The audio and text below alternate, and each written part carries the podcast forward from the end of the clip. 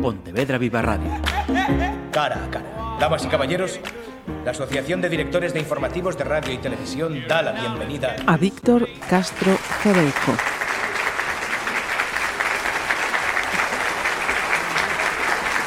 Saludos. El 11 de marzo de 2020, Pontevedra Viva Radio emitía una entrevista con un joven pontevedrés que había publicado su primer libro de poemas, Cuaderno de Bitácora, itinerario de un intranauta desorientado. Tres días después, el gobierno decretaba el estado de alarma en España y comenzaba el confinamiento. Esto es, aquella entrevista fue la última que se hacía en Pontevedra Viva Radio en lo que llamábamos normalidad. Víctor Efren Castro Cereijo, bienvenido de nuevo. Hola, muchas gracias. Eh, estoy un poco asustado ahora con lo que me dijiste, no vaya a ser que sea un poco gafe y al salir de aquí... No, o al revés, ¿no? de repente nos, dicen, bueno, esto ya... Ojalá, ojalá. Ojalá fuese así. Sería, ¿te imaginas? Sería... Sí, señor. Mira, voy a mm, echar de memoria de nuevo. Decías en aquel libro, Navegar dentro de uno mismo es un viaje difícil, arduo y apasionante. Es necesario autoconocerse para poder reaccionar y no naufragar en un mar de dudas y preguntas. De esta manera se puede sacar provecho del viento a favor y avanzar, aguantar el temporal sin hundirse en las profundidades de las malas rachas. Parecía que estaba hecho un poco premonitoriamente, ¿no?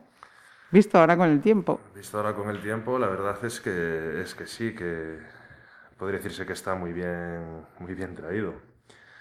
Bueno, nos tocó vivir una época un poco fastidiada, por decirlo así, pero a nosotros y a todo el mundo, y esperemos que, poco a poco se, se vaya volviendo a la normalidad y podamos volver a sacarnos las mascarillas y ver las sonrisas y esas cosas.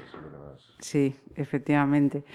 Tu forma de avanzar y aguantar el temporal sin hundirse en las profundidades de las malas rachas ha sido seguir escribiendo durante todas esas semanas tan, tan jorobadas? Sí, es que al final, bueno, eh, es una época en la que por unas cosas o por otras, eh, quizá cambia un poco tu estilo de vida.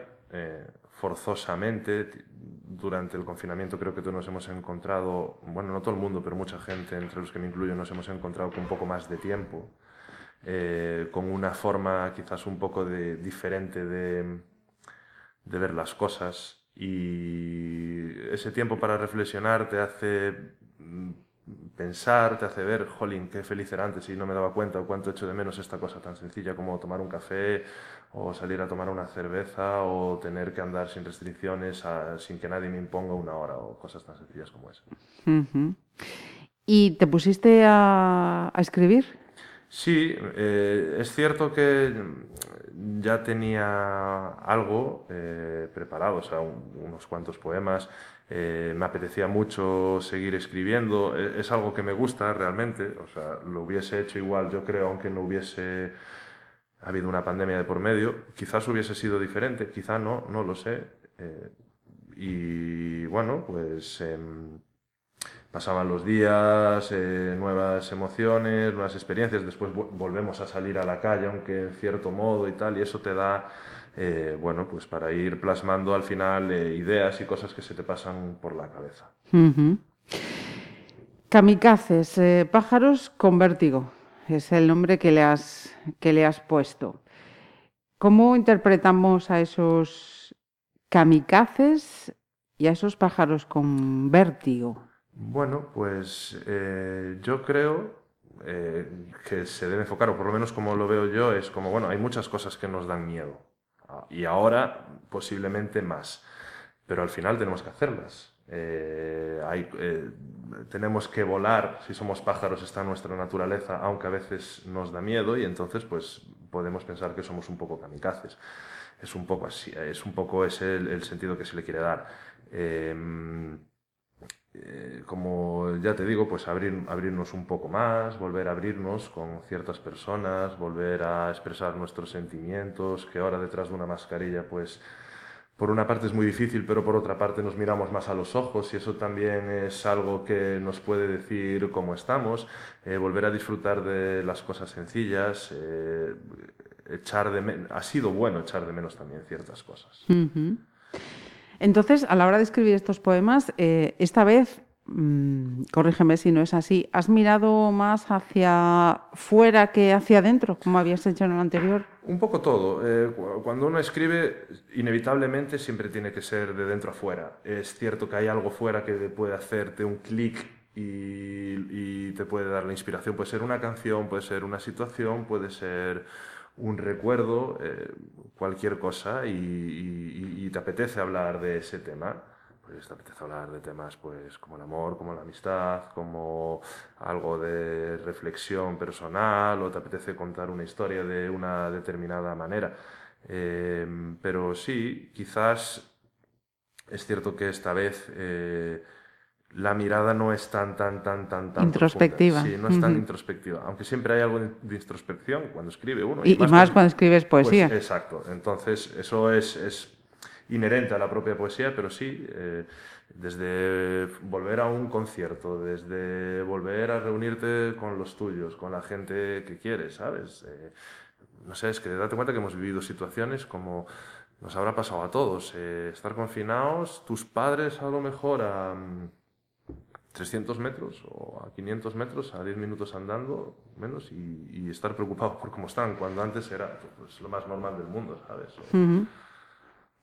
E, esa, esa yo creo que ha sido la menos difícil de las situaciones que se nos han planteado, la menos difícil. Eh, esta vez también además te has lanzado a ilustrar el libro. ¿Cómo ha sido eso? Bueno, em, son dibujos que para mí transmiten algo. Entonces es como una ilustración con un poema corto que viene al lado, una ilustración eh, sencilla, en blanco y negro, ¿vale? Con, con, un poema que viene al lado, pues para darle un poco de significado, incluso para introducir em, diferentes capítulos que puedan aunar la temática de algunos poemas, pues también puede ser estados de ánimo o, o recuerdos o cosas que te gustaría, bueno, pues lo que toquen, lo que sea en cada momento. Pero sí, dije, bueno, pues ¿por qué, ¿por qué no? O sea, si al final yo también es algo que me gusta hacer en mi tiempo libre y hace que esto sea más personal. O sea, al final también es una experiencia para quien quiera leer el libro, quien quiera ojearlo, ver, ostras, pues este dibujo lo que representa con los poemas con los que está vinculado. O sea que ya dibujabas, lo dibujar también era otra afición que tenías por ahí. Mm, bueno, a ver, dibujar, dibujo de aquella manera, eh, pero sí, es cierto que durante el confinamiento había que matar el aburrimiento de, de, muchas formas y una de ellas era esa. Ajá. Y mira, pues aquí estamos. Ha tenido también su, su, reflejo. Y he visto que has cambiado también de, de editorial. Sí, eh, la verdad que esta editorial, eh, Postdata Ediciones, eh, yo también mucho de lo que escribo, alguna parte lo subo a Instagram eh, alguna red social, pues lo que me apetece compartir en ese momento y se pusieron en contacto conmigo. Porque es una mm, poesía, es una poesía, perdón, es una editorial que está especializada en libros de poesía con autores noveles o poco conocidos y que quiere dar visibilidad a este trabajo. O sea, no, no vas a encontrar bestsellers ni, ni grandes obras literarias ni, ni, libros muy grandes y eh, es la filosofía que tienen y dice, bueno, pues, pues ¿por qué no? Avanti. Víctor eh, ha venido aquí en las dos ocasiones a Pontevedra y Barraceo en su faceta como escritor de poesía pero él está vinculado al deporte, como profesor y como entrenador. ¿Cómo estás llevando esas dos partes?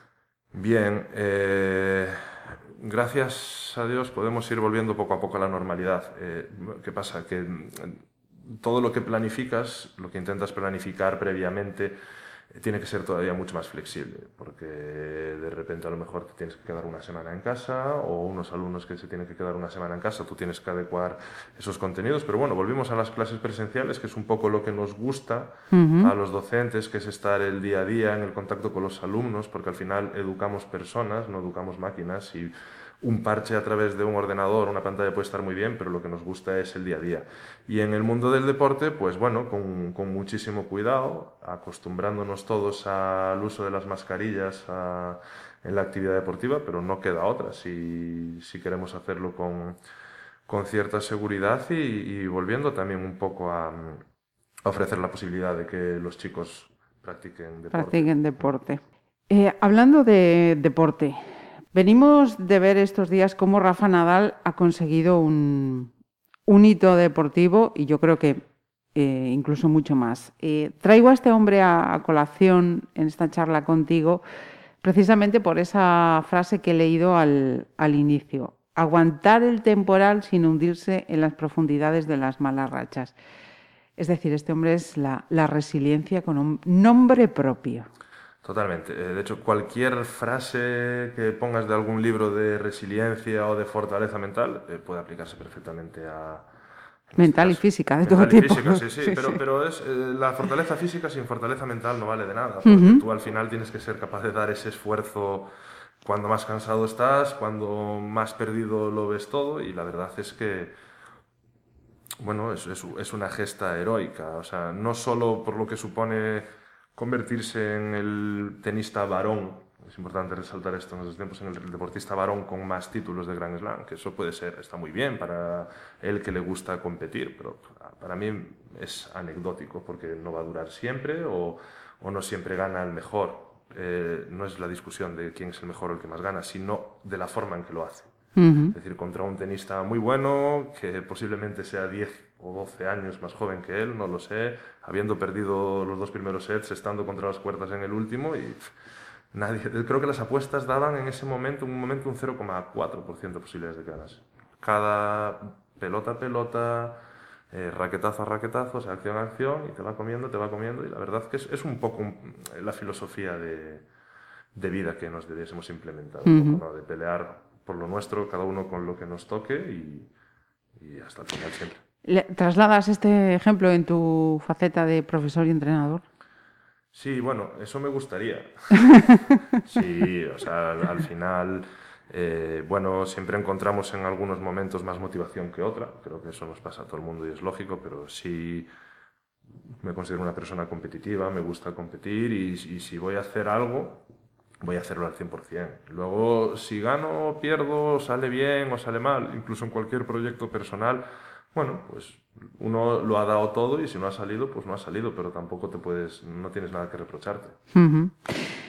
Mira, y en cuanto al libro, ya para terminar, yo recuerdo que la ocasión anterior decías, bueno, espero hacer una presentación. Las circunstancias ya las obviamos, que ya hemos hablado de ellas, pero en este caso hay prevista una presentación, ¿vas a esperar un poquito? Voy a esperar un poco, es algo que tengo previsto, pero creo que es mejor esperar un poco, mm, porque bueno, eh, no pasa nada por esperar unas cuantas semanas más, eh, que la gente, eh, bueno, pues acabe de darse cuenta de que hay otro poemario, que lo coja con ganas, de que no tenga tanto miedo a estar en un sitio donde pueda reunirse con más personas. Eso es algo de gente, o incluso que el tiempo nos está acompañando mucho, pero bueno, previsiblemente hacia primavera los días sean más largos, más cálidos, se puede hacer algo incluso en el exterior, por eso de no ser un sitio cerrado y y de hacerlo me gustaría que fuese algo no preparado sobre la marcha, ¿sabes? Bonito, elegante y entonces pues bueno hay que hay que tomar trabajadito y bien. trabajadito y